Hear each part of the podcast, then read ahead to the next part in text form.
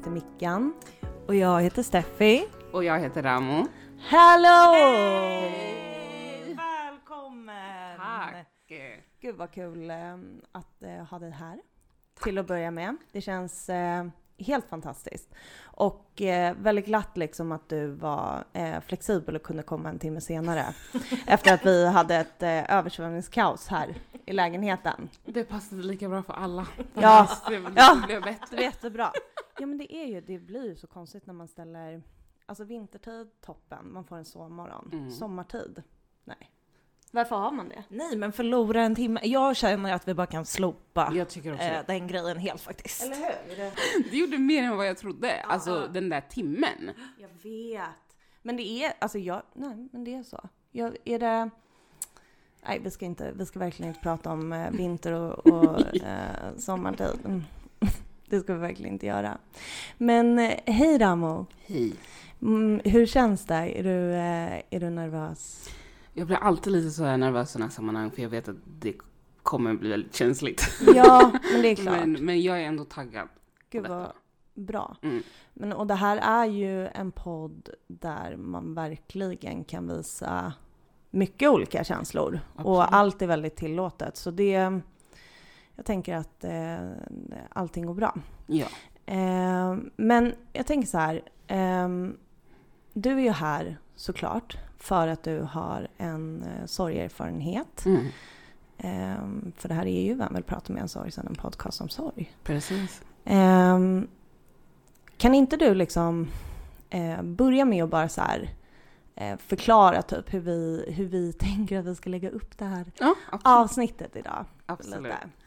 Ehm, under det här avsnittet så kommer vi inte säga vem eller vad den här personen är till mig, utan att vi kommer säga att det är en nära anhörig och vi kommer inte säga namnet ehm, av privata skäl. Min familj är väldigt privat av sig och jag är lite mer offentlig och så med respekt till dem helt enkelt ehm, så kommer vi kalla honom för anhörig eller han. Mm. Ja, Han eller nära anhörig. ja. Men eh, kan inte du eh, berätta vad det var eh, som eh, hände Mhm. eh, med din nära anhörig? Han blev eh, skjuten eh, den... Varför glömde jag datumet? Oh my god vad stelt. Förlåt. Nej men det är alltså, det måste ju vara 29 Precis, december. Ja. Precis. Ja. Nej men man, 29 det kan december. bli sådär ibland, alltså snälla rara. Den 29 december ehm, 2019. Mm. Ehm, och ehm, det var en helt vanlig dag egentligen. Eh, jag, jag hade haft ett jättebra år. Jag träffade min kille det året, så jag var kär och det, var, det var massa mysiga grejer som hände och studenten och massa, massa, massa saker. Eh, Vänta, vänta, vänta, vänta. Just det. Vänta, nej, nej, nej. Du tog studenten 2019. Vänta, så, Vad bra. Vadå, visste inte Vänta, ni hur du gammal var? är Jo, men- 22 Två. då? Jag fyller 22 i april. jäklar. Mm. Det är ju normalt att, en, eh, att du, eh, alltså som vi pratade om innan, att vi så här jobbar med liknande grejer och så. Och jag är, det skiljer ju bara 10 år, så det är ju jätte... Vad, vänta, förlåt, skönt. innan vi fortsätter. Hur gammal trodde ni jag var? Alltså jag har ju... 25 trodde jag. Men titta på mitt ansikte, jag ser ut som en bebis. Ja, nej men det är sant. Men jag trodde ändå 25. Alltså mer baserat på liksom allt som du typ har gjort. Ah, okej, okej. eh, så. Men eh, jo, men jag visste ju att du var ung och nu så slår det ju mig liksom också att eh, eh, vi ska ju prata om det sen, men du har ju skrivit en bok och där står det ju också om din studentmössa och sådär. Mm, mm.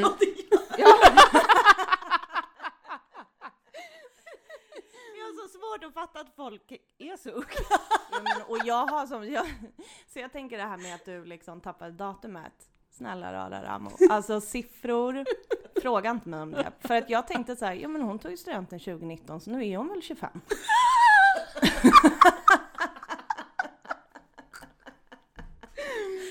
Ah, Okej, då har vi det ordnat Ja. liksom. Mm. Okej, Okej, så du hade precis tagit studenten, du hade Mm. träffat din kille, du Mm. hade ett toppenår helt enkelt. Toppenår, alltså, och då är det verkligen toppen för att mm, hela min uppväxt var väldigt turbulent. Mm. Så det var som att jag precis började landa i att liksom bara vara det här nya jaget och få, livet skulle liksom, mycket skulle hända nu liksom. Eh, och vi skulle fira nyår tillsammans. ehm, och det hade precis varit jul ju, precis. Eh, och så gick jag ut med mina vänner, vi åkte till Mall Scandinavia. Min vän jobbade där, en av mina närmsta vänner. Och så säger vi, ja men vi, vi, vi åker hem till den här vännen och, och, och har tacokväll, säger vi. Så vi och hon som jobbar, hon slutar om typ två timmar. Så vi, vi andra sätter oss i bilen och åker dit hon ska komma sen.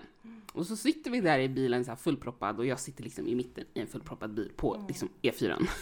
Och sen så, eh, en viktig så här, grej att veta i den här historien är att jag kollade alltid på Aftonbladet. Av just sådana här skäl. Eh, Det var väldigt, ja, ni vet hur det ser ut där ute helt enkelt. Men så fick jag faktiskt notisen om det här, eh, men jag kollade inte på den, vilket är jättekonstigt. Eh, för det här var verkligen ett problem jag hade, att jag kollade alltid Aftonbladet. Men bara, när du säger så här, eh, det som händer där ute, alltså jag tänker att så här, jag fattar ju vad du menar. Ja. Men det som du syftar till är att det är liksom många killar i förorterna som blir Precis. mördade. Och Varje därför vecka. så håller du liksom noga koll. Typ. Exakt. Fan, bara det är ju liksom ett sånt jävla trauma i sig. Ja, eh, alltså verkligen en, en sån oro och någonting som man lever med varje dag, det är otroligt jobbigt. Ehm, så då kollar jag ju varje dag för att eh, jag behöver se vart det är, vart, vart har det skett en skjutning, eh, även om det är i Stockholm så är det där, känner jag den? Är det min kusin? Är det min, eh, liksom man vet aldrig helt enkelt. Eh, och eh, så jag ignorerar notisen då när vi sitter i bilen och cirka två minuter senare så ringer min mobil. Och jag, jag svarar inte, för jag bara äh. Så här. Det är inte läge och så här, musiken är hög i bilen, vet, varför ska jag svara? Så jag, så jag vänder på min mobil eh, och så går det signaler och det ringer, det känns som att det ringer jättelänge. Så bestämmer jag mig i sista minuten, det var som att någon sa till mig, ta upp telefonen. Ah. Och så bara svarar jag på sista signalen, jag bara ah hej så här. där. Eh, hon bara, har du sett vad som har hänt eh, i den här orten i Hamburg, det är en annan stad? Eh, så jag bara, va? Mm, nej. Och då lägger jag på direkt för jag, jag inser att jag måste ringa honom. Så jag ringer till hans mobil, jag får inget svar, jag klickar, jag läser artikeln medan jag ringer någon annan. Får svar och de bara...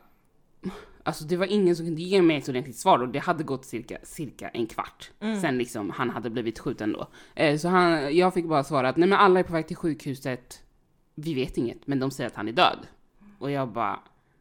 Jag, jag, jag skrek, har jag för mig. Jag, jag skrek i bilen och du vet, min bästa vän körde och hon förstod liksom inte vad som hände. Hon Nej. bara va? Typ så och jag bara oh my god typ och så bara ring mig så fort ni är på sjukhuset liksom så. Ehm, och efter det så kändes det som typ en evighet men det var egentligen bara 30 minuter. Men jag visste redan där att jag, jag visste att han var död. Alltså ingen sa det till mig förrän jag fick det andra samtalet, men jag visste.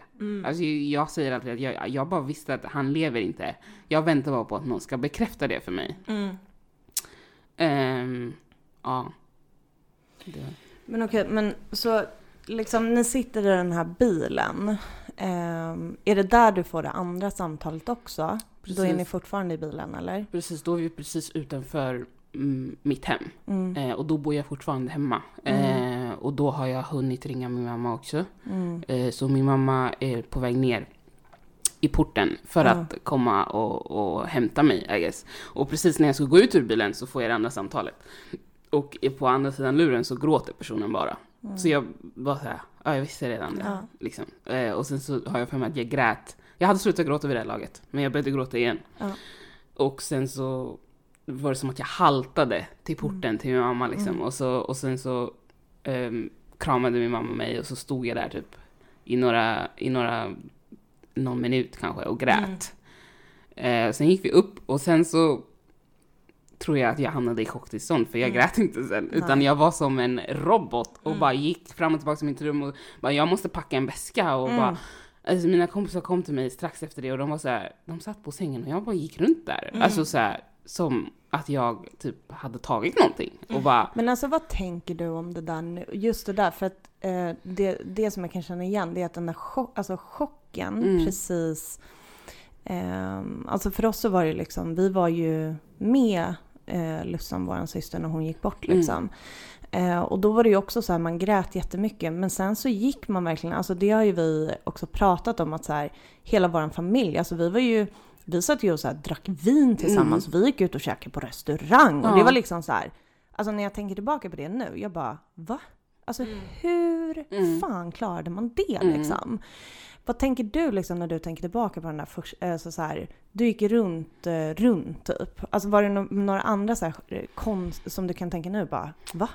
Alltså jag, att jag, jag började typ, jag började skratta typ. Alltså jag var Ja. bara såhär, oh my god vad sjukt. Eh, Så här, och du vet, jag har pratat med, om, med mina vänner om detta i efterhand och de är såhär, alltså jag bara, hur, alltså hur hanterade ni det där? För att det har gått liksom en och en halv timme och där är jag och bara jätteskum. Du vet. Och de bara alltså, vi tyckte ju det var jättekonstigt men vi tänkte bara så här: det här är vad hon behöver göra, vi är bara här liksom. Ehm, men jag tyckte, jag tycker det är otroligt konstigt, alltså jag, jag, när jag tänker tillbaka så är det så här.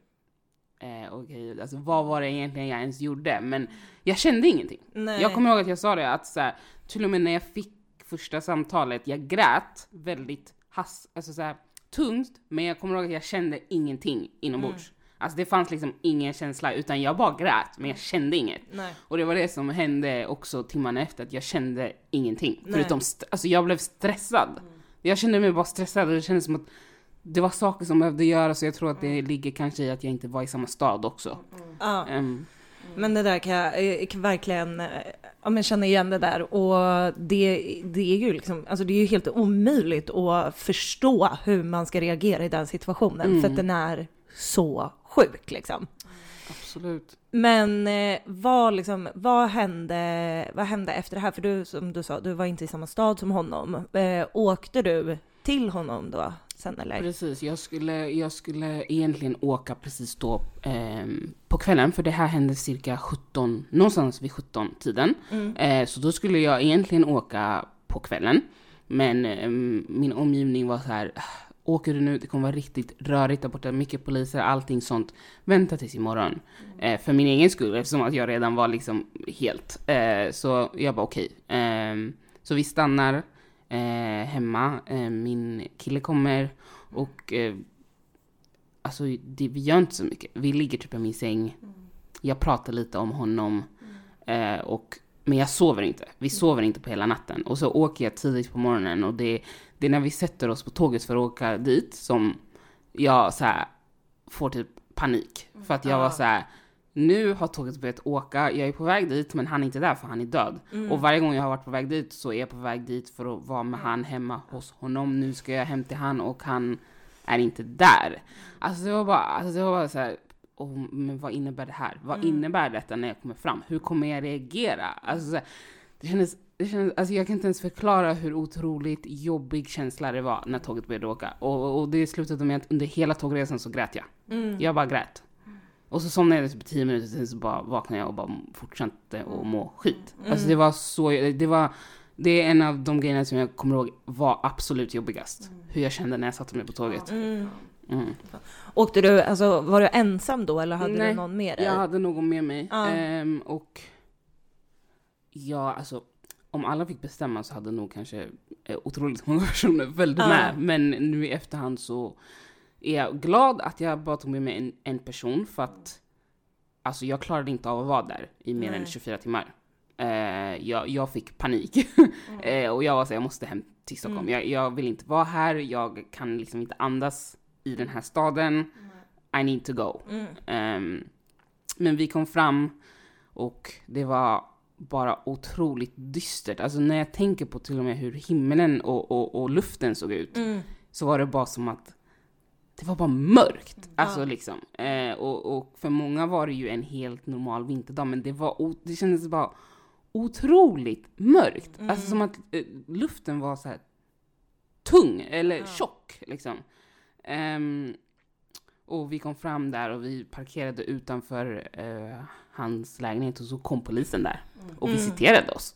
Ah, men gud. Och jag, Bra, Mm. bra.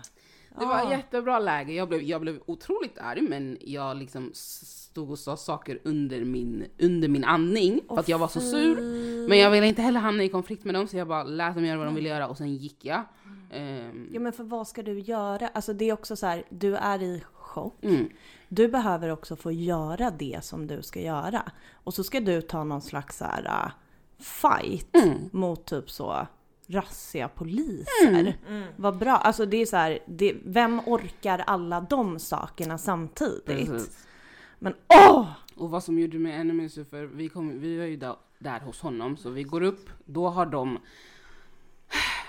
Alltså, han dog utanför sitt hem eh, på parkeringen och då har polisen cirka inte så långt efter det har hänt gått och gjort razzia hos honom. Inte så här bett om en nyckel eller kanske tagit nyckeln i hans ficka, utan de har brutit upp ytterdörren. Så när jag kommer där så är det en kedja som håller fast dörren för att ingen ska kunna ta sig in i lägenheten Nej men gud. och sno saker. Ja. Och så såg det för jävligt ut Ja, där inne och så, du vet, Ja. jag tänker jag ska gå in i hans rum för jag vill se exakt hur han lämnar sitt rum och jag vill bara gå in där. Exakt som han lämnade. Men det är inte som han lämnade för de hade vänt upp och ner på hans madrass och sen lagt tillbaks den. Liksom, och du vet så, och säkert tagit saker därifrån. Och jag, och jag för mig var det bara så här, jag blev så arg för att det var så här, ni behandlar honom som en, en, en, inte som ett offer i alla fall. Och, och det var otroligt irriterande för mig, för jag ville bara gå in där och bara vara där. Men jag klarade Självklart. inte, det blev inte så. Jag gick in där, men jag kunde liksom inte sätta mig där för jag blev bara så här. Ja De men har det var förstört. inte, ja men precis för det var ju inte din, alltså det var inte din person liksom som hade lämnat. Alltså det är ju, det där är så jävla också, alltså integritetskränkande. Mm. Och jag tänker också vad det, vad det gör med ens egen så här sorgeprocess. Mm. Som du skriver, du vill gå in där, du ville känna liksom det du behövde känna.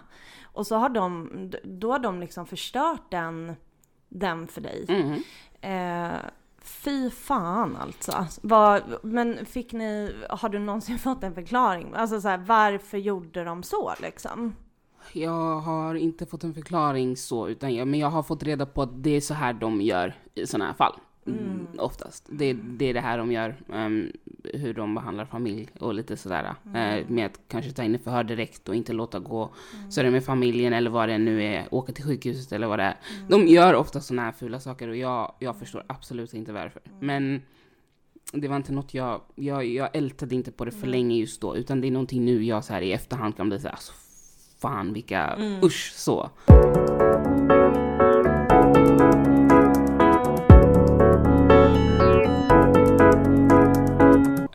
Var muslim, så egentligen så ska vi begrava så snabbt det går. Eh, helst veckan efter, vilket man inte kunde göra för de behövde ha kroppen. Eh, och eh, även det här att eh, att behöva bli förhörd av polisen Ja. var otroligt jobbigt för mig. Ehm, jag trodde faktiskt jag hade kommit undan det, för att de ringde så långt efter till mig. Och jag kommer ihåg att jag bara, för att jag vet inte, så här, ska jag lita på någon som ringer mig på telefonen och säger att de är polisen och jag ska berätta vad som har hänt? Ja. Så jag var lite så, eh, nej, då, var de här, ja men då, hit, då kan vi skicka en kallelse till dig och så måste du komma till den här staden. Och då var jag så här, okej nej, jag tar hellre på telefonen för jag vill inte sitta tvärs emot er och behöva prata om detta. Eh, så jag, så jag, jag hade liksom, vad ska man säga, det där förhöret på mobilen och, och eh, det var otroligt jobbigt. Alltså jobbigare än vad jag hade tänkt mig, för jag tänkte att ja, jag svarar bara på frågorna och sen så är det med det. Men jag blev otroligt ledsen och liksom så, och han som, polisen som pratade med mig sa själv att jag hör att det här är jättejobbigt för dig liksom. Mm. Som tur var han jättetrevlig och, och så, och fin. Men alltså det är ju jobbigt för att det blir också, det är en otrygghetskänsla när någon som är så pass nära dig blir mördad. Mm. Och sen så vet du att någon har mördat den men du vet inte vem och du bara går runt typ och lever och typ lite sådär. Ja. Ehm, det, det var, alltså tills idag så kan jag känna mig väldigt otrygg och Mm. bara så här väldigt skeptisk. Allmänhet, jag har blivit väldigt paranoid och det är inte så här, jag har inte någon anledning egentligen att vara det. Men det är bara den här att någon som var så pass nära mig blev mördad och Mm. det ingen vet fortfarande vem det är. Nej. Så, så definitivt att så här, man, alltså det är jobbigt för att det är ett brott och polisen utreder, man får inte begrava när man ska, men också så här, man känner sig inte trygg Nej. någonstans. Men alltså, ehm, olika saker. Men jag tänker så här, beroende på vilken erfarenhet man har eh, kopplat till sorgen. Alltså det, för det, det som hände med mig efter vi hade förlorat Lussan, det är så här, men allt det var ju så helt osannolikt, typ att hon blev så sjuk, att det gick så snabbt och så Mm. vidare. Och då liksom drabbades jag jättestarkt av en känsla av att så här, det finns inga garantier för något.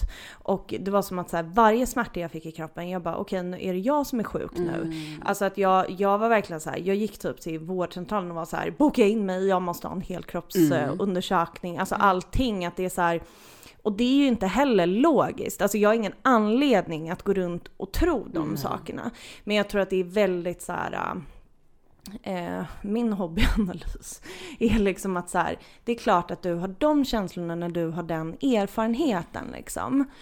Ja. Och det, det utspeglade sig, utspeglar sig fortfarande på det sättet att så här, om en bil, om jag går på gatan och så kommer en bil och den börjar köra långsamt eller drar ner sin ruta. Då tänker jag att okej, den där kanske personen tror jag är någon annan och kanske skjuter mig nu. Alltså det är verkligen sådana saker som jag, som jag tänker. Och jag hade den här konversationen med min eh, psykolog häromdagen bara, där vi tog upp det här. För att jag hade, jag hade kommit, det hade kommit på tal när jag pratade med mina vänner. Så sa jag det så här, jag erkände, jag sa det här högt ehm, på, på ett samtal med mina vänner att så här, att om jag går hem från stationen och det går en, en man framför mig, då kan jag tänka att, då kan mina tankar gå så långt att jag tänker okej, tänk om någon kommer att skjuta honom nu, vad gör jag då? Vart kan jag gömma mig? Ehm, eller eller så här, ska jag gå framför honom, ska jag gå bakom honom? Eh, tänk om jag blir träffad, kommer min sambo höra skotten och tänka att jag är på väg hem så kommer han hinna komma, springa ut och försöka hitta mig. Alltså du vet, det är verkligen, alltså det här är tankar som går i min hjärna varenda dag och det är ändå, alltså det är otroligt jobbigt. Såklart. Alltså jag känner ju mig, alltså jag är ju inte trygg fortfarande och nu har det Nej. gått liksom två år, lite mer. Ja, men jag tänker att det- är ju liksom eh, både att han, alltså hans död är ju ett trauma, men sen så är det ju också liksom sättet han dog på. Det, liksom, det är ju ett separat trauma. Mm. Så bara för att man bearbetar sorgen så bearbetar man ju kanske inte liksom den delen. Att det finns så mycket i det där. Eh, men typ, upplever du att du har fått eh, förståelse från typ omgivningen när det kommer eh, till det? Traumat. Ja. Men och liksom dina rädslor som du har, alltså har du Mm. kunnat känna liksom att du har kunnat vara öppen med dem? Jo, eh, jag känner att jag har kunnat vara öppen med dem, men samtidigt så tror jag att jag skäms lite över att jag, att jag, att jag har såna här tankar och att jag är så djupt inrotad i det.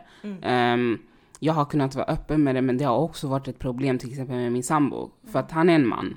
Han är, han är en svart man och, och ehm, min tanke blir så här, jag har inte min anhöriga kvar att oroa mig för och han var min närmsta trygghet som var en man. Jag har, jag är inte uppväxt med en man på så sätt. Eh, och han och jag var väldigt nära, så han var liksom han var min trygghet. Eh, och så försvann han och han försvann i samband med att jag träffade min sambo. Så då blev det som att den där tryggheten på något sätt lades över på min sambo, vilket gör att oron lades över på honom, vilket gjorde att kontrollbehoven blev otroliga. Så om, alltså det fanns en period där om han gick till affären så kunde jag sitta och hyperventilera tills han kom tillbaka. För jag tänkte att nu kommer de skjuta honom medan han är där.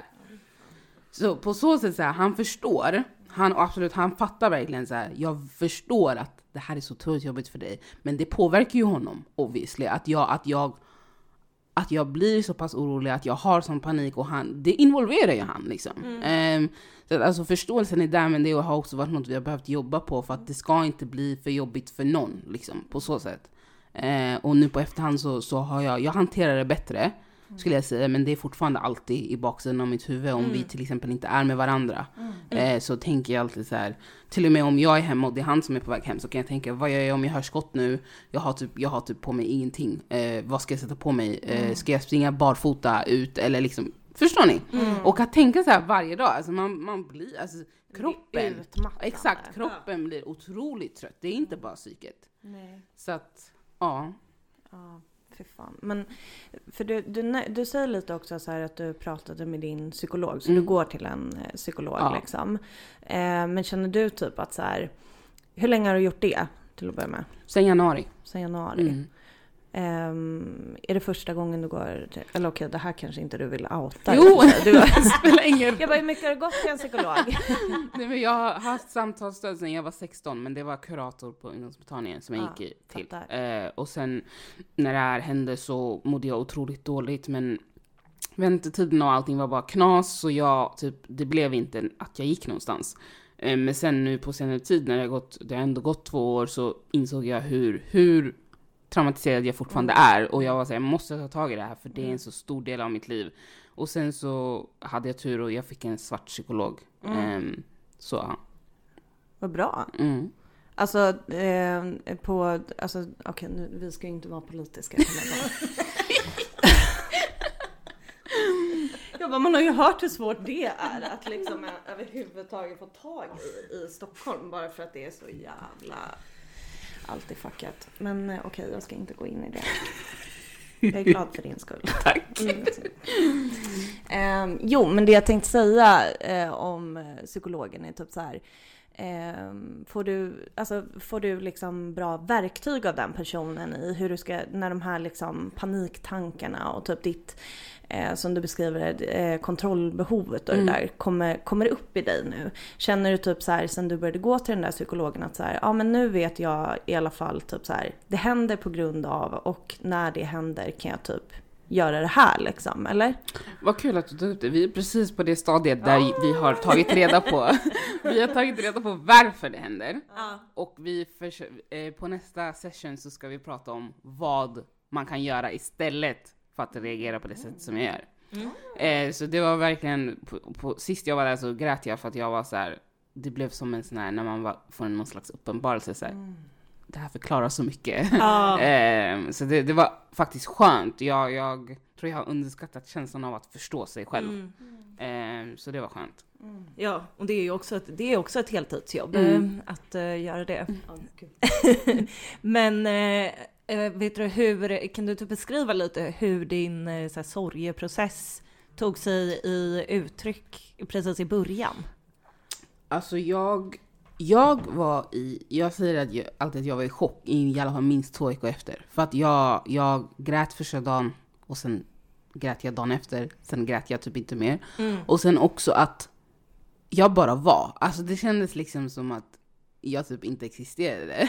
Eh, och allting bara var i slow motion och jag var också så jag tyckte det var så konstigt att allting bara var normalt. Att Ja. tunnelbanan gick och allting gick Ja, och folk går till skolan och, och till jobbet och alla bara är. Men här är vi och våran värld har stannat. Eh, Jag förklarar alltid det som att när, på film, vet, när någon står så här mitt och det är massa folk och så går de i slow motion så här. så är det. Ja. Det var Fattar precis så precis. jag kände, alltså under en så lång tid, så här, bara, verkligen så här, bara dimma. Mm. Otrolig dimma och jag bara var. Alltså det, det finns ingen annan förklaring, jag vet inte ens. Jag, jag tror att jag pratade om det varje dag, väldigt kontinuerligt, så jag kunde säga samma saker varje dag. Eh, liksom så, men jag, jag, jag var inte ledsen. Liksom, jag bara var och bara sa samma saker hela tiden. Hela tiden.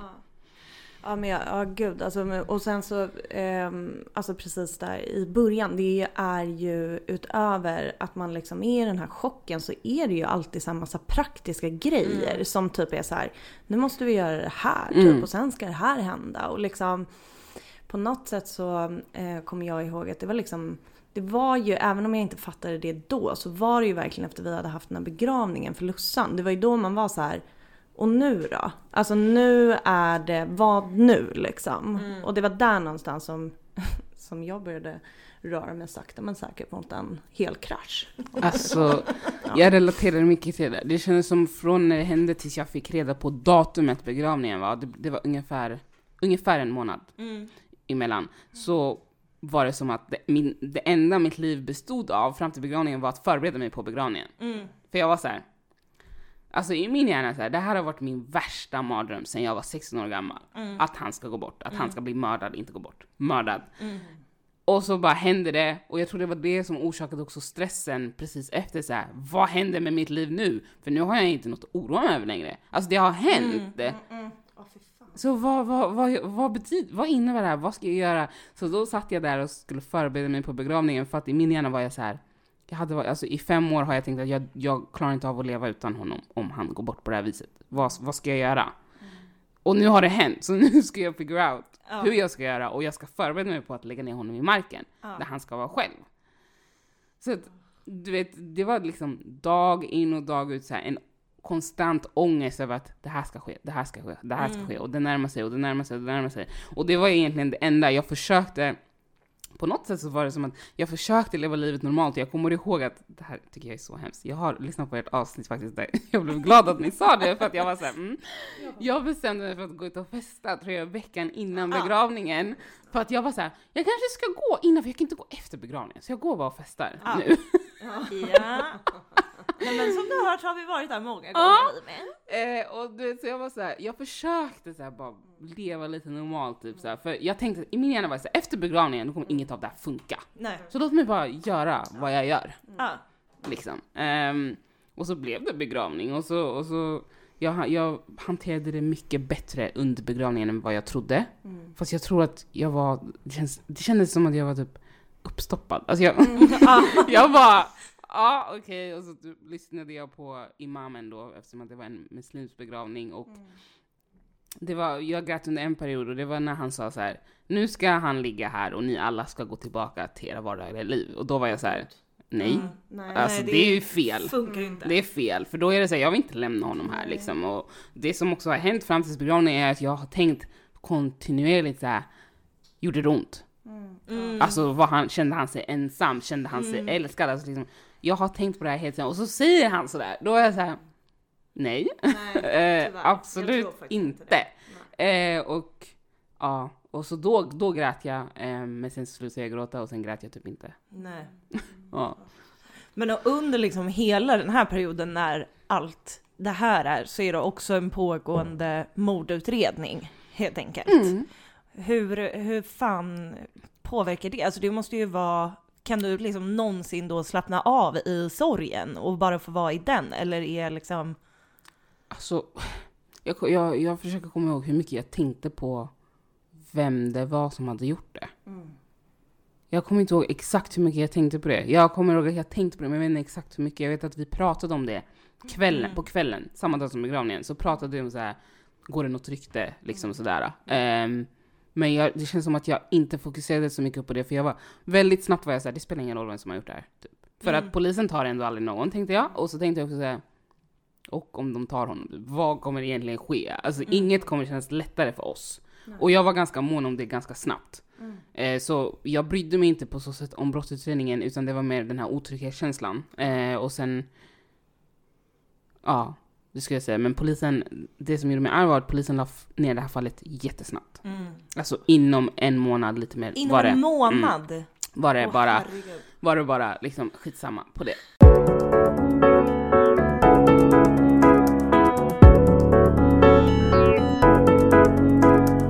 Eh, Ni har den här begravningen då.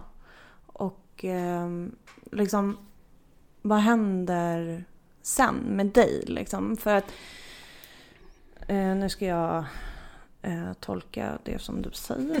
Här. Nej, men så, som man inte ska göra, men eh, det gör jag ändå.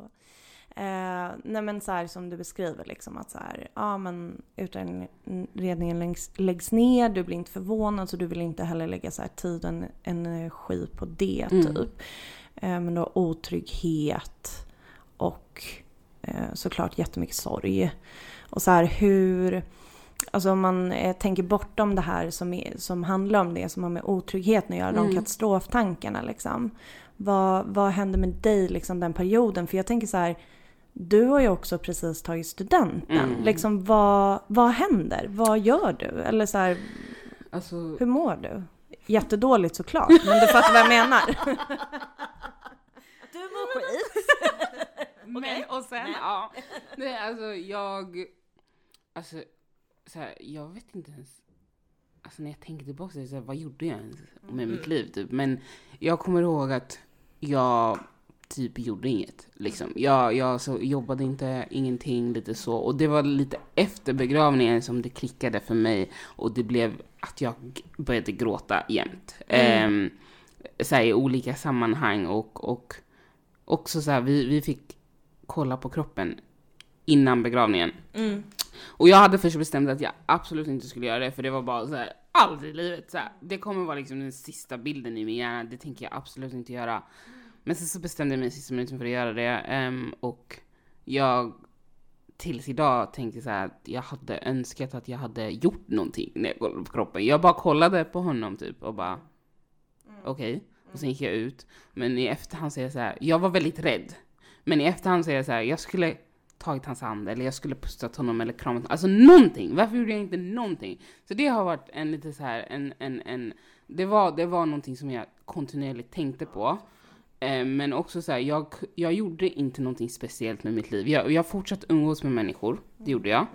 Men jag grät hela tiden. Mm. Alltså i ett års tid så var det, alltså jag grät i princip varenda dag. Ehm, och jag var bara, alltså jag var väldigt lost, eh, känner jag. Alltså jag så här, jag hittade mig själv typ, eh, alltså, eller ja, inte hittade mig, utan alltså jag, jag hittade mig själv eh, typ sex månader efter, fyra kanske, fyra, fem, Någonting. Alltså, fyra, fem. Siffror månader spelar ingen roll. Ja. Men- En tid en efter. tid efter. Ja. Så här, jag kommer ihåg att jag satt i min soffa hemma och jag var bara så här. Jag klarar typ inte av det här. Alltså vad, varför känner jag fortfarande så här? Alltså det, var så här, det kändes som att ju längre tiden gick, ju jobbigare blev det. Mm. Och jag, alltså det var liksom så här, ångesten var at all time high och jag visste liksom inte hur jag skulle hantera det här. Mm. Alltså det var otroligt jobbigt för att jag visste inte heller hur jag skulle uttrycka vad det var som pågick i min hjärna när jag kände den här otroliga tyngden. Ja. Så det blev bara massa, massa, massa gråt. Ja. Och jag, och jag som också kanske utspeglade sig i lite ilska mot min omgivning. Men inte i, på ett sätt där jag faktiskt var sur på dem, utan det var bara så frustration som blev Ja, ilska liksom. Eh, och ja, jag var bara, jag kände mig otroligt eh, deprimerad och du vet, eftersom att jag inte jobbade eller något, så att du har inte ens någon inkomst. Så då blir, alltså det blir ännu en så här, för du, jag har ångest över att jag inte har någon inkomst, men jag klarar inte av att göra någonting. Jag försökte börja plugga där, kommer jag ihåg. Gick inte bra, jag klarade inte av det, släppte det. Mm. Ehm, och eh, så började jag plugga året efter. Och sen nu är jag, jag är, jag är klar nu i juni, så jag är klar, glad att jag har klarat av det. Liksom. Så. Wow. Ja, verkligen. Men, men, alltså... Nej, jag vet inte hur jag ska förklara det. En, en grej som har varit otroligt jobbig för mig är att hans grav är inte här i Stockholm. Nej. Och för mig så här, det finns så många gånger där jag bara hade behövt bara gå dit och bara Mm. sitta där. Men det är så många, alltså jag, du vet, jag kan inte göra något, jag har inte heller körkort, utan jag måste planera ordentligt om Ja. jag ska åka dit.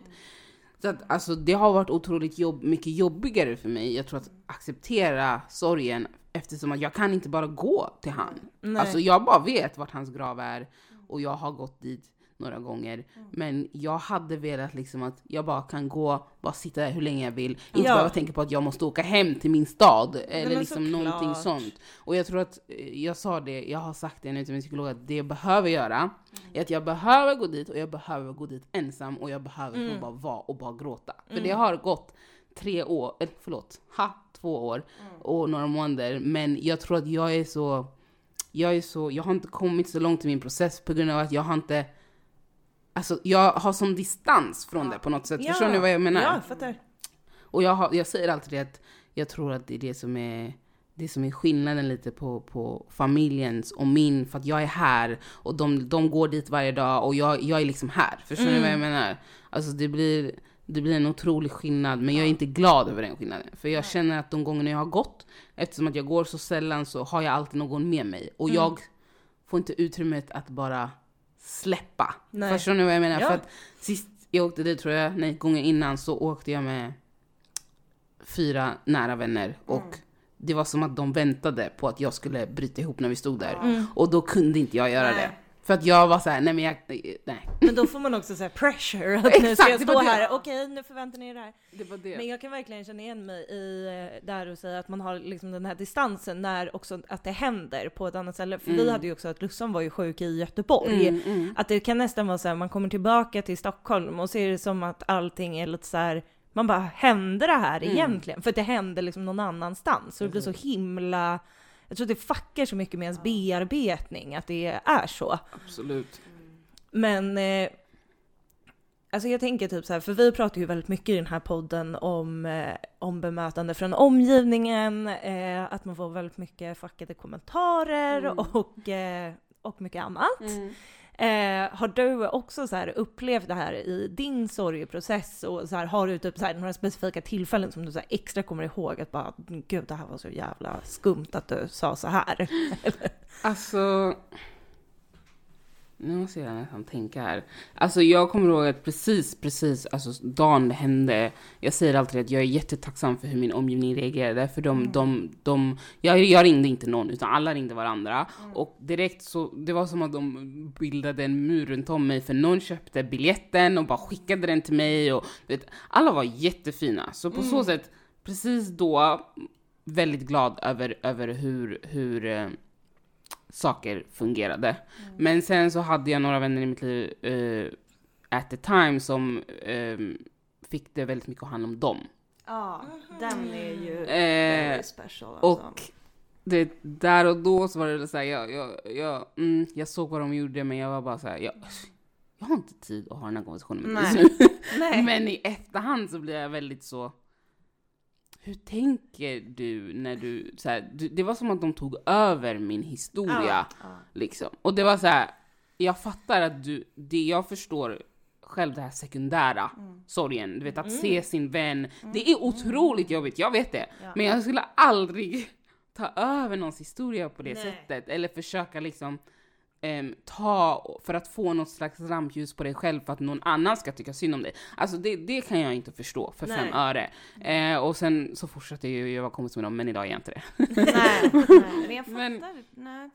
Alltså, och det där är... um, Det, jag tycker att det kan vara eh, ganska jobbigt när man är Eh, som, jag tänker, som jag tänker att du är också. Nej men att man är en väldigt så här, person som så här, intellektualiserar saker och typ så här make sense av grejer och sätter sig in i andras Mm, perspektiv och hur precis. andra mår hela tiden liksom. Att man hela tiden gör det där, eh, för det upplever jag att jag också har gjort som fan liksom. Eh, och inte bara kopplat till sorg, men att man hela tiden är såhär, ja men den där personen tänker ju så för att bla bla bla typ. Mm. Och så är det som att man hela tiden glömmer bort sig själv i det där. Man känner inte sina egna känslor Mm. för att man håller på hela tiden så jävla mycket i sitt huvud. Exakt. Och det där, ja, jag vet inte, det är, jag tycker att det är svårt fortfarande också. Och det är så här, eh, även fast podden är så himla, den är väldigt känslosam, men den är också typ en del av problemet. Mm. Alltså i min egen sorgbearbetning så här att Eh, vad sitter man och gör i den här podden? Alltså, det, det var typ som att jag fick, eh, jag hade ju en period för en stund sedan där jag var tvungen att så här, men gud jag måste så här gå tillbaka in i mig själv typ. För att nu är det ändå så här som att vi sitter och pratar här och vi försöker sätta ord på saker och förklara saker och då gör man ju det igen. Ja. Och man gör det och man tänker så här, ja ah, men eh, typ, ja jag vet inte. Att eh, det där är så jäkla fuckat liksom.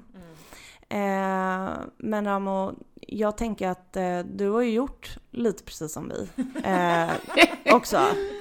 Du, du, är lika, du är lika skadad som oss på det sättet. Ja, men man, alltså, man det är kan väl liksom därför inte... jag liksom tycker om Ja. er så mycket. Alltså jag antar det.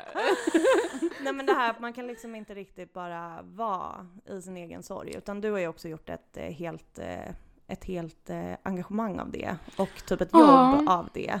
Eh, vill du berätta lite?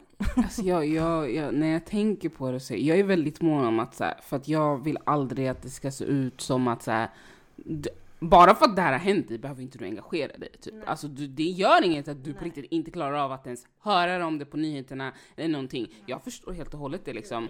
Eh, men jag, Men det här är ju sånt vi kan säga till alla andra.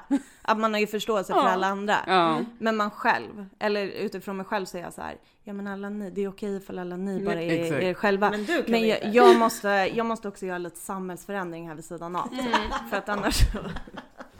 Men alltså jag, jag vet inte riktigt. Jag... ehm, Jag försökte väl bara vara min sorg, men det kändes, jag vet inte, det kändes bara så här blä. Jag har ingen Mm. förklaring till det, men bestämde mig för att gå med i kollektiv sorg. Ehm, för jag vet inte, det, det kändes, för mig kändes det som att jag behövde göra någonting med Mm. min sorg. Att, Ja. här, det, att det skulle hjälpa min sörjprocess att engagera mig. Mm. Kan inte du berätta lite kort bara vad kollektiv sorg är? Kollektiv sorg jobbar med att förebygga och my- Uppmärksamma. uppmärksamma gatuvåldet. Precis, Mm. tack. Ja. Ehm, och eh, vi har olika arbetsgrupper, sociala medier, interna verksamheter, ehm, debatt, eh, artikelarbetsgrupp. Jag vet inte exakt vad det är för ordentligt ord för det, men ja. Det vet jag, det är så här opinionsbildning. typ. Precis. Och så har vi en samtalsgrupp, eh, arbetsgrupp, vilket är där jag jobbar. Eh, där man, där ungdomar, eller unga vuxna skulle jag säga, det är 16 till 25 år, som får komma och eh, prata om vad de har gått igenom. Och det är inte så här, du måste ha en anhörig, utan det är så här, som på något sätt har påverkats av det dödliga våldet. Och det kan Mm. vara liksom att du bor här och du har hört när någon har blivit skjuten, eller du har hört skott eller vad det nu kan vara. Ehm, så det är det jag jobbar med. Och eh, alltså, det är, otro- det är otroligt här, svårt arbete, speciellt när man har sin egen sorg. Man, upp, alltså, man påminns ju konstant. Så här. Det, är, det är väldigt triggande skulle jag säga. Så här, att, så här, jag, det är skönt för att alla i arbetsgruppen har någon slags erfarenhet eller kommer från vissa områden. Så att de, vi alla förstår varandra, vilket är skönt för att man klarar inte alltid av allting. Eller vi kan så här, vi stämmer av med varandra, så här, är du okej? Och liksom så, eller behöver du ta ett steg tillbaka? Ehm, men det är många gånger där det blir för jobbigt, till exempel när Ina blev skjuten så var det otroligt triggande. Bara där på kvällen var vi i gruppchatten och bara så här. Jag mår så dåligt. Alltså för att vi var så här, vi var så här, vi visste exakt vad det här betydde. Ja. Vi visste att när vi vaknar imorgon och förmodligen hela veckan fram Ja. så kommer vi, det finns inget håll vi kan titta där vi inte kommer behöva höra om detta. Nej. Och det var, alltså det, jag, alltså det konsumerade mig på ett sätt som, alltså jag, jag, det var som att jag var tillbaka till den 29 december. Mm. Alltså jag vet inte ens hur eller varför, men jag har varit så triggad. Alltså jag bara satt där och jag typ grät och jag var bara så här. Jag orkar inte med det här.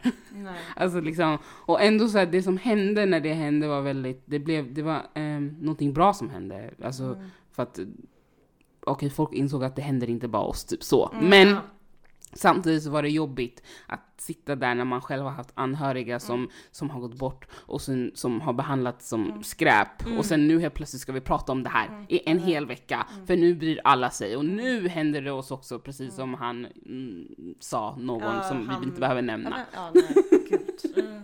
Liksom så att, alltså det, var, det, det, det, det blir otroligt jobbigt, men det är också skönt för att till exempel jag jobbar med samtalsgruppen så att jag får prata Mm. av mig och jag får prata med människor som känner vad jag känner. Ja. Mm. Ehm, Men det blir ju så jävla dubbel för det är så här, ehm, alltså det, det är ju en bra sak att så här politiker typ bara okej, shit, vi måste typ göra mer.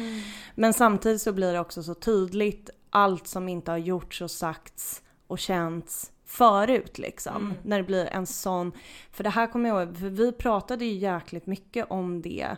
Vi gjorde ju ett, eh, ett eh, avsnitt Eh, alltså mm. efter den, efter att Einar hade blivit Mm. mördad. Och då pratade vi jättemycket med varandra och var så här: okej men så här, it makes no sense att vi inte pratar om det här. Eh, för att så här, ehm, vi har liksom också pratat länge, också utifrån kollektiv sorg. Just att vi så här, vi måste typ så här reacha ut till den organisationen typ och så här, vi måste eh, få liksom prata ur det perspektivet liksom. Men att det var så här, okej men nu måste, någonting behöver vi säga. Och så här, Eh, hur gör vi det typ utan att det blir liksom samma som hela medielandskapet? Eh, hur gör vi det utan att bli för, eh, om man ska säga, politiska i att så här, okej men vad pratar vi om i den här podden? Det är sorgen typ. precis. Mm. Att det är så här, hur eh, ski, eh, alltså shinar vi liksom ljuset på, på det specifika liksom. Ehm, så det är ju, ja det är, det, i slutet av dagen är det ju bara så jävla fucked up typ. Mm. Att det är så här, okej men det här, det, det, det är ingenting nytt och det är, det är ju, alltså varför finns kollektiv sorg liksom? Mm, mm. Jo men för att det är en nationell kris Precis. till exempel. Alltså så att det, och kollektiv sorg, det är ju så här, ja men det är inte bara en personlig sorg. Det är ju att det är liksom hela liksom stadsdelar och områden Precis. och grupper Mm. i vårt samhälle som är så fruktansvärt traumatiserade Mm. av gatuvåldet Mm. liksom.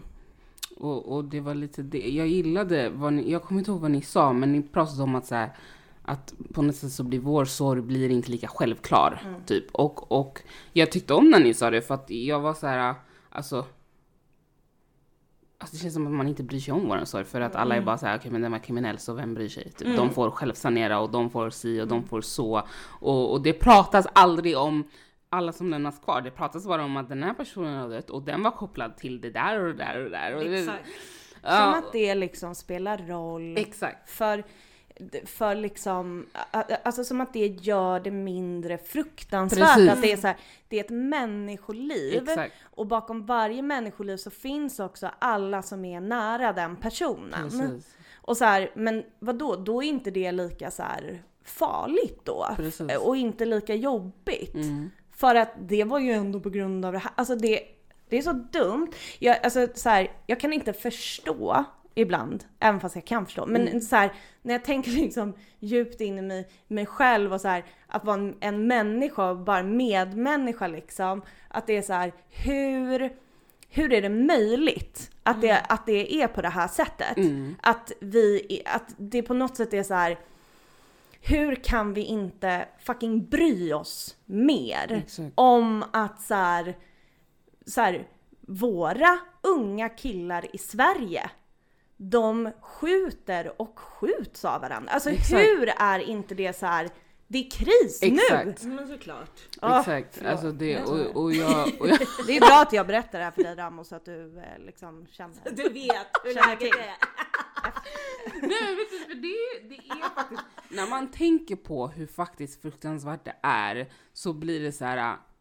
Det är konstigt att det inte ljudas om detta. Så. Ja, alltså för min del, så här, jag obviously omgiver mig, eller omringar mig av människor som, du vet, det här är aktuellt. För jag är från, jag är från de här områdena till exempel.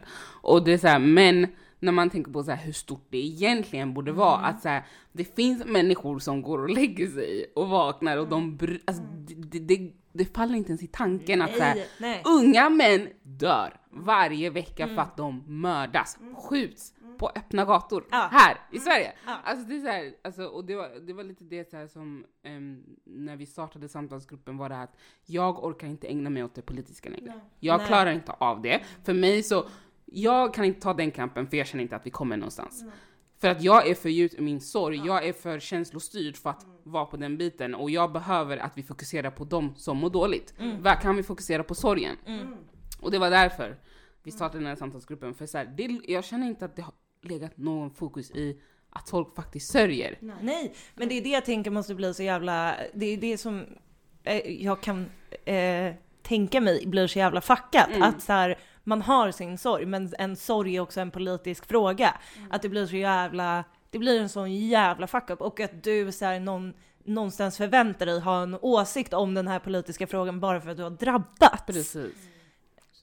Och sen- ju... Också så, det spelar ingen roll i vilket sammanhang så här, alltså tidigare så här, man har, vi kanske har pratat om sorgen men någon kom, det kommer ändå alltid komma en fråga, okej men var han kriminell? Var, Mm. Umgicks han med det, det, det? Och du vet, jag har inga problem att svara på den frågan, men i, i, det blir också så här lite, varför måste jag svara på Det det? är varför är det relevant. viktigt Nej. liksom? Om samtalet som du har med en annan människa handlar om att du har en sorg så är det ju så här.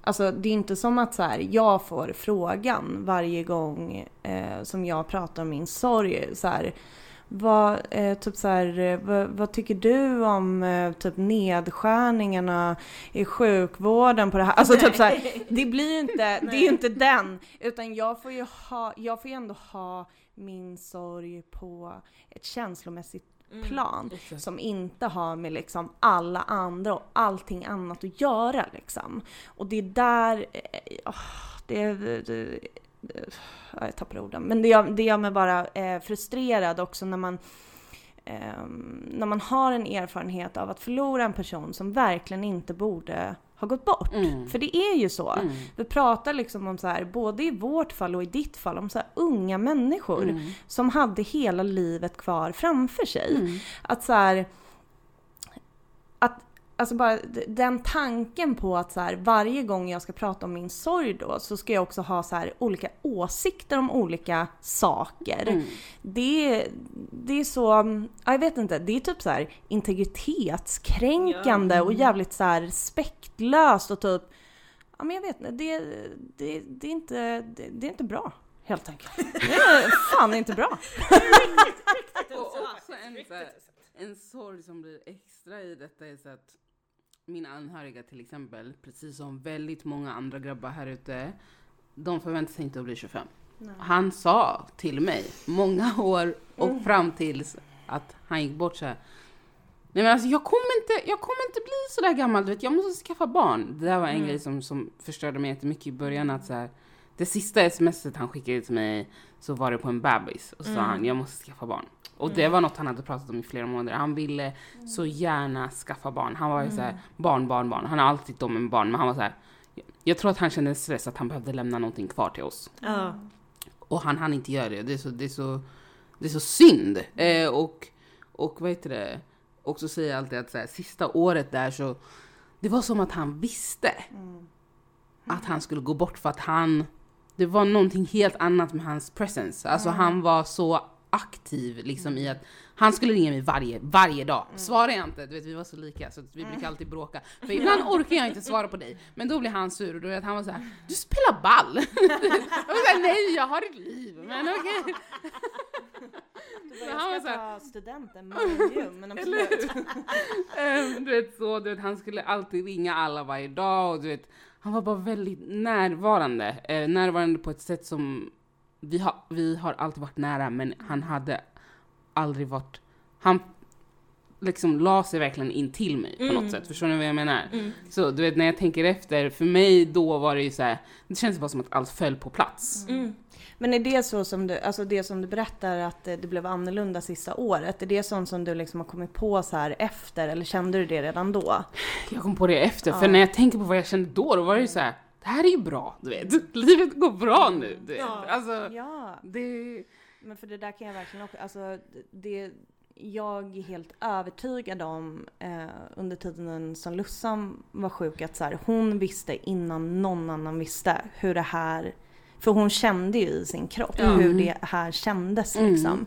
Eh, och jag kan liksom komma ihåg så här, vissa saker som hon sa på ett sätt, alltså så här, man kände så här, okej men nu typ, alltså och jag tänkte inte på det så då. Mm. Men att jag bara, aha, du sa verkligen de där sakerna för att du var verkligen inte heller säker på att det här skulle gå. Mm, Typ. Även om hon mm. inte sa det Mm. uttalat liksom. Eh, det är så sjukt alltså. Att Mm. man, man vet det och man vet också att man har rätt. Exakt, Ja. exakt. Ja, det är så sjukt. Det var så, så äckligt. Jag, jag hade en mardröm sex månader innan att, att han blev skjuten utanför sitt hem, men att jag var där. Och att jag sprang fram till honom och höll honom. Mm. Och jag kommer ihåg att jag vaknade så här svettig och, och du vet så här, hade gråtit och kudden var blöt och jag ringde han och jag bara så här, jag dömde det här och det här och jag mår jättedåligt och han skrattade åt mig. och bara, det kommer inte hända, du vet så. Och så, så när det hände, då var jag så, eh, vad, vad betyder det ens liksom? Ja. Och då gör det lite att jag blir, jag blir rädd för mina egna drömmar lite, för jag blir så här, Såklart. varför, varför drömde jag det där liksom? Men ja, men samtidigt, hände det, vad kan hända? eh, men precis, om jag drömmer någonting annat, vad betyder det? Ja. Men sen också så här, är det inte så jättekonstigt med tanke på oron jag levde med alla Ja. år att jag, att jag drömde det liksom. Men, men jag har en fråga, som, om, om jag undrar om ni kan relatera till. Nu på senare tid så är mitt problem väldigt mycket så här att jag är rädd för att det har gått så pass lång tid och det är som att jag börjar glömma så här hur han var. Mm. Även fast jag är väl medveten om det så är jag så här, hur gestikulerade han? Mm. Em, em, hur låter hans röst? Mm. Du vet liksom, eh, och sånt. Så här, vad, vad brukade han göra för ansiktsuttryck? Och då blir det helt plötsligt ännu mer skrämmande för det är så här, vad, vad innebär det här? Nej, men det där är, det där är typ det läskigaste eh, med hela sorgen tycker jag. Och också att man liksom i och med att man blir äldre, att man hamnar längre ifrån varandra. Mm. Alltså, det, det är så mycket i det där som är så fruktansvärt. Och jag hade jättemycket det där också de första åren. Eh, kanske mest första året, för att jag mindes ingenting. Jag mindes inte Lussan överhuvudtaget. Jag bara, Mm. hur såg hon ut? Jag Mm, vet inte. mm. Men liksom att eh, det ändå kommer tillbaka. Och om jag känner att jag glömmer så brukar jag typ kolla på en bild Mm, eller eh, ett klipp som jag har när hon asgarvar. bara för att så här, då kan jag liksom komma ihåg henne och bara Mm. okej just det. Ja. Eh, och också att jag och Micken pratar väldigt mycket om så här hur Lussan skulle vara i den här situationen. Okej, då skulle hon säga så här liksom. Och hon skulle vara kränkt eller liksom. Alltid kränkt. Eh, alltid kränkt. Men eh, liksom hålla kvar henne så. Men alltså fy fan, det där är, det där är alltid, jag tycker alltid att det där är en rädsla. Mm. Jag tänker liksom, kommer jag komma ihåg det om 30 år? Exakt. Jag vet inte. Alltså, Det är ja, vidrigt. Alltså det, ja. Men jag tror, alltså jag har liksom inte heller något bra svar på hur det där är liksom. Mm. Lite som du var inne på Steffi, att jag hade också väldigt liksom suddigt första året. Då hade jag väldigt svårt att så här, se Lussan framför mig, eh, hur hon såg ut och hur hon var innan hon var sjuk. Det var som att hela det här eh, traumat av liksom sjukdomsperioden, Mm. det var ju typ Alltså det är ju typ eh, lite såhär PTSD-vibigt Mm. eh, kring det. Att det, det är såhär man spelar upp samma, samma, Mm. samma Exakt. om och om och om Mm. igen. Ehm, och sen så var det ju typ under tiden som jag var så här sjukskriven Mm. och verkligen så här fick utrymme att typ vara i det jag behövde vara. Mm. Det var liksom då som det sakta men säkert så började komma tillbaka till mig saker som jag bara, aha just det, det där Mm. typ. Mm. Och då har jag liksom en, eh, min strategi är typ så här att eh, när jag kommer på sådana saker så har jag ett, ett block. Där jag liksom bara skriver grejer om, om Lussan. Så skriver jag ner det typ och så här, okej bra men då har jag det där typ. Och sen också den här grejen att kolla bilder, filmer, Mm. alltså sådana grejer. Bara på telefonen så här Mm. korta små grejer som man Mm. har typ. Som Mm. ändå så här fångar så jävla mycket av Mm. vem människan var liksom. Absolut. Men det är så läskigt det där tycker jag. Ja. När du lämnade det där med boken, Mm. det var, eh, alltså dagarna efter så antecknade jag i mina anteckningar. Och jag gick tillbaka till det för typ ungefär ett år sedan och mitt hjärta bröts Ja. typ åt mig. För att Mm. jag var verkligen så här. jag förstod inte vad som hände. Jag var typ så här, skulle gå och lägga mig två nätter efter och jag var så här. nu ska jag, nej just det, jag satt i hans vardagsrum dagen efter och jag var så här. nu ska vi på minnesstund. Mm. Och sen efter minnesstunden så bara, nu har minnesstunden varit och vi alla sitter i soffan. Och det känns som att du ska gå in här vilken Ja. sekund som helst. Mm. Liksom, det känns, Mm. alltså, vart är du liksom? Mm. Och liksom bara ver- verkligen vara så in disbelief och så här, Mm. på nyår också liksom att jag bara, du vet, jag skrev så sorgliga grejer och jag kommer inte ens ihåg Nej. det. Nej. Alltså du vet, jag blev så ledsen hos mig själv. Jag var så här, Mm. shit, för jag kommer ihåg, alltså känslan kommer tillbaka så Ja. fort jag läser Alltså, jag vad jag skrev. Exakt, jag har också jättemycket anteckningar. Jag antecknar också alltid i telefonen. Mm. Så jag har också jättemycket så här, nu när jag scrollar tillbaka liksom eh, till tiden när hon var sjuk och även liksom efter att hon hade gått bort. Och där är det, alltså det är så mörkt alltså. Mm. Och det är precis som du säger, just att man kommer tillbaka till det, eh, liksom det som jag är tillbaka i den tiden när jag läser det där. Mm. Och bara men gud, så här, jag har tänkt alla de här tankarna förut men jag kommer liksom inte ens ihåg det Mm. för det var eh, då. Precis. Liksom, som, ja. Mm. Oh, shit. Eh, jag tänker att vi måste, vi måste börja komma tillbaka lite till Alltså jag tänker att jag ändå skulle vilja prata lite mer om kollektiv sorg. Mm. Bara för att, ehm, eh, och lite mer specifikt om de här samtalsgrupperna som Mm. du pratade om. För du sa så här, ja men det är unga personer, 16 till 25. Mm. Så är det liksom, har ni eh, blandade alltså, samtalsgrupper eh, alltså utifrån kön till exempel? Är det liksom blandat eller är det separatistiska grupper eller? Ehm, vi har inte, vad heter det, just nu är det öppna samtalsgrupper. Ja. Så att man anmäler sig inför varje gång. Mm. Eh, sen har vi, har vi massa grejer som vi vill sätta i ordning. Liksom, Mm. att så här, man kanske ska ha specifika grupper som möts varje gång och Mm. så då blir det de mer bekväma med varandra och vet, Mm. sånt. Men också det vi har nu, konceptet har ändå fungerat. Alltså, ehm, jag tror att det gör mycket när de vet att samtalsledarna är människor som kan ändå på något sätt förstå vad det är de Mm. pratar om. Eh, Så folk öppnar ändå upp sig, de kommer, det har kommit Mm. killar och det har varit verkligen så här, oh wow, så här, Mm. det gör, man känner otroligt mycket så här. Jag vet inte, det Mm. blir bara en, så här, när, när de väljer att komma och sätta sig där och prata om sina känslor, jag blir otroligt glad, Ja. du vet, jag, jag blir tacksam. Mm. Eh, och sen, eh, men nej, man anmäler sig inför varje träff Ja. och, och eh, sen finns det saker som kan bli aktuellt, men just nu är det inte så. Mm. Eh, Så du, det är bara att anmäla dig så får man komma. Men det finns en antal, det är max 12 personer på varje Mm, träff, mm. inklusive samtalsledaren då. Men och för du har ju varit inne lite på liksom, eh, genom hela avsnittet det här liksom att så här, separera typ det här eh, politiska Mm. från eh, typ den personliga sorgen och så vidare. Mm. Och att de här samtalsgrupperna eh, ska vara mer fokus på just känslorna Mm. typ. Eh, hur gör ni för att liksom typ skapa det rummet? Är det typ så här vi, idag pratar vi utifrån den här typen fråga Mm. eller tema eller Eh, Vi, har, vi var väldigt tydliga med när vi öppnade det här konceptet att det här var vad det innebörde. Så här, vi, vill, vi vill inte hit till politiken. Vi Mm. pratar, hur mår vi? Hur överlever vi dagarna? Ehm, det vi gör är att varje samtalsledare inför sin träff gör de ihop ett tema. De Mm. väljer ett tema. Mm. Men nu har vi haft tema... Vad har vi haft? Minnen, mm. Ångest tror jag. Mm, Jag vet inte. mm, Någonting och mm. någonting. Eh, och då så lägger vi frågor utifrån det. Och ibland, man hinner inte ens kva, klart med frågeformuläret för att samtalen flyter på. Mm. Du vet, och det går jättebra. Eh, så det är så sätt vi styr samtalen i rätt riktning och vi har så här, Mm. vi har, eh, vad heter det? Skulle säga bekvämlighetslekar. Nej men ni vet, Ja, typ. vad heter det? Eh, Nej, så här små lekar man gör i början för att bli bekväm med Ja, varandra. exakt. Ja. Alltså, Ja, typ, lära eh, känna exakt, exakt. varandra, övning. Eh, Pålitlig, eller vad heter det? Tillitsövning. Ja, men ja, någonting sånt. Ja. Eh, och då brukar vi, vi brukar alltid försöka applicera det på varför vi är där idag. Så då kan det vara typ så här. okej nu ska ni, alltså vi brukar dela ut lappar så, så här, ni ska skriva ett ord som förklarar varför ni är här idag.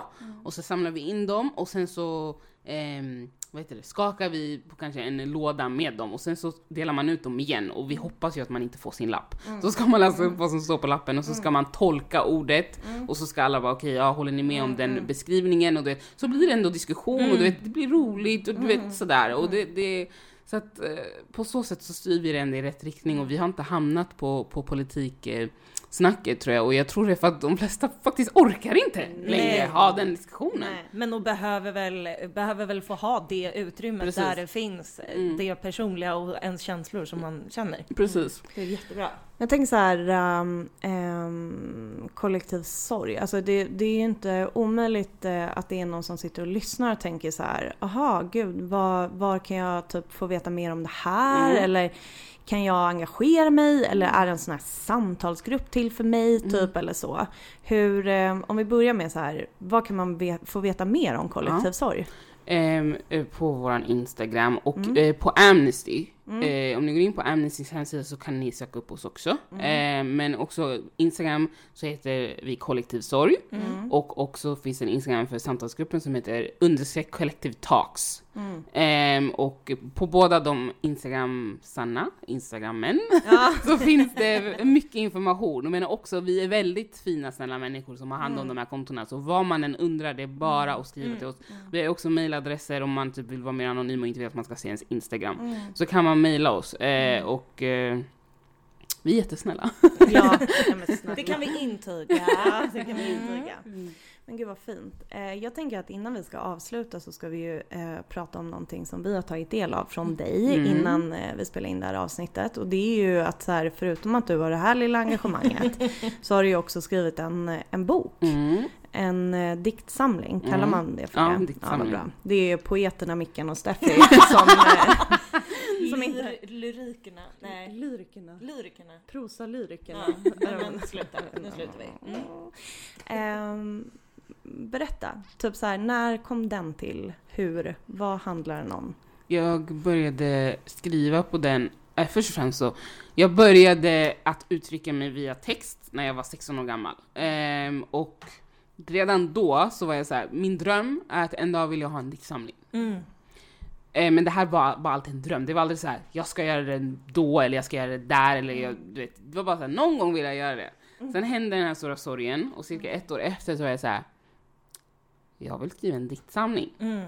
Eh, det, är så här, det kändes som att här, det är ett perfekt tillfälle i mitt liv. Eh, jag skriver väldigt mycket nu för att uttrycka mig om min story. Och jag kände så här, jag ville typ göra någonting i hans ära. Mm. Så jag bestämde mig för att börja skriva den här diktsamlingen. Det tog ett år. För att eh, liksom bestämma exakt vilka texter som skulle vara i, vart de skulle vara, vad den skulle heta och massa, massa, massa sådana saker. Ehm, och eh, så jag släppte, den- den, den släpptes 7 juli 2021. Mm. Precis. Och den heter? Butterflies and Dead Roses. Mm. Eh, och eh, Ser inte ni men jag håller i den. Och den handlar om, den handlar om sorg, den handlar om döden, men den handlar också om lycka Mm. eh, och kärlek. Mm. Vilket jag skulle säga att det är de grejerna som är mest aktuell, i mitt liv. Eh, liksom. Ehm, den, jag skulle säga att mycket går ut på så här hur mitt liv, hur mitt liv har sett ut efter. Eh, och hur, hur, hur jag på något sätt här, har hittat lyckan i he, alltså det hela, hela kaoset. Typ, så här, att, jag, att jag ändå kan vara lycklig och det ligger väl mycket i att så här, han var en väldigt glad person. Ehm, alltså med mig, ja visst, han kunde, han kunde uttrycka sig. Vi var väldigt så här, på så sätt så var vi väldigt nära och vi var väldigt ärliga med så här, om vi mådde dåligt och sånt. Men i allmänhet så var han en väldigt glad person och han var allt liksom, man skulle leva sitt bästa liv, man skulle leva high life liksom, man skulle åka till, du vet, dit och dit och man skulle, du vet så. Ehm, och jag var bara så här. Jag måste, jag måste, han får inte göra det här längre. Du vet, jag måste ha kul. Jag Ja. måste ta vara på livet. Eh, och det är inte så att jag känner någon skyldighet, utan det är bara så här, det är en självklarhet för mig att jag ska ta vara på det här livet. Du vet, jag ska göra allting som jag vill göra. Också för att han, han alltså den chansen blev tagen ifrån honom liksom. Och han har förberett sig så många år på att det skulle bli så. Så att för mig var det så här, jag ska göra det för honom och för mig själv för att jag kan inte bara, bara liksom jag vill absolut bara, bara låsa in mig i en källare, men jag ska inte göra det. Liksom. Men jag ska ändå hitta ett sätt att ha min sorg, men ändå leva mitt liv. Eh, och, och liksom, eh, vad heter det? Ja, ta vara på det helt Ja. enkelt. Ehm, och så jag ville få ner det i en bok för att jag var så här, jag, jag är väldigt, vad jag vet är att av att läsa andra diktsamlingar och att läsa andra texter eller böcker eller vad det nu än är så är det lätt att applicera saker på sig själv. Även om du läser om min sorg och det kanske inte är exakt samma så kanske du kan applicera det på någonting annat i ditt liv och känna så här: okej det där hjälpte mig. Jag har känt väldigt mycket så under åren när jag har läst andra grejer och jag var bara så här: jag vill göra det även om det bara sker för en person. Nej men snälla det hände så mycket för mig. Alltså jag måste säga det, jag var, helt, jag var på riktigt helt tagen när jag läste din bok. För att det var alltså, du är så fruktansvärt duktig på att förklara och sätta ord på exakta känslor som jag är så här. när jag läser det du har skrivit så är jag så här. ja, exakt, exakt så. Eh, alltså jag tror att det är typ såhär, någonstans skulle du skriva så här. jag har låtsats vara mer okej än jag har varit mig själv. Mm, mm. Alltså gud jag kunde relatera så mycket till det. Ja. Eh, men det var, så, det var liksom så jävla starkt Men på ett sätt jag så- aldrig upplevt det när jag läst poesi. alltså, liksom. Nej, men det är, alltså, det- är verkligen så. Alltså herregud. Och Ja. återigen nu när jag börjar tänka på att du är så här 22. Ja, Okej. det är så sjukt. Eh, nej men att så här, man bara, det är också någonting eh, tyck, tyckte jag, för vi har ju läst liksom en del olika böcker om, om eh, sorg liksom, men då har det varit mer så här eh, beskrivande eller kanske alltså eh, så en historia Mm, mer mm. än liksom poesi. Mm. Och det var så himla fint tycker jag att det, alltså i poesin så är det som att här, man fångar liksom en, en känsla på ett annat sätt snarare än att beskriva typ en situation. Även fast Mm. då kan man ju också be- beskriva känslor. Men det, det var det som verkligen så här fick mig att bara, åh, alltså jag vill typ bara så eh, rama in typ och bara så här, så att jag kan titta och bara just det, typ så här, Mm. så här kan det faktiskt kännas och typ så här, det är fine Mm. eller så här, någon annan kände också så här. Mm. Eh, så att det, det är verkligen, den är så himla fin, alltså Mm. innehållsmässigt men också att själva boken, alltså cover, är så himla fin tycker jag. Ja. Jag vill aldrig eh, sätta in den i en bokhylla faktiskt. Jag vill ha den så framme. ja, den är asfin. Så. Nej, men alltså du är, du är så jävla duktig. Alltså alla måste läsa den här boken. Ja, jag på riktigt. också det. Det är, det är ett minimumkrav Ja. om man Ja, lyssnar på jävla- Vem vill prata med en sån? faktiskt. Det kommer alltså istället för en betalvägg. Vi bara, har du läst den här? Nu men jag uppskattar alltså Ja. verkligen det. Jag, jag, när jag, jag var så nervös när jag släppte den för jag var så här, jag visste inte, man vet inte vad man ska förvänta sig. Nej såklart. Men den har, alltså det har gått över alla mina förväntningar hur det har blivit med boken, verkligen. Alltså, och, och jag uppskattar det otroligt mycket. Och det är skönt Mm. att kunna ha så här konversationer där folk är så här. Du sätter ord på mina känslor. Mm. Du vet, det, blir, det blir så intimt och det blir så fint. Och det, ja. det, är bara, det är bara underbart, tycker jag. Mm. Så fint. Ja. Och boken, eh, jag kommer säga det igen, den heter ju Butter, butter, jag bara But- Butterfly. Butterflies, Butterflies. and dead roses. Butterflies and Dead Roses. Och eh, vi skriver ju det också i poddbeskrivning och allting sånt där. Så om ni, om ni som jag glömmer saker på en halv sekund så kommer ni kunna läsa efter. Eh, men den finns ju att köpa på Adlibris. Mm. Och, och Bokus och, Och Bokus. Amazon Ja. och, och CDON och Ja. någonting mer. Just det, det finns på alla olika ställen. Det var bara att jag köpte den på Adlibris. Mm. Så det, det var därför jag visste det.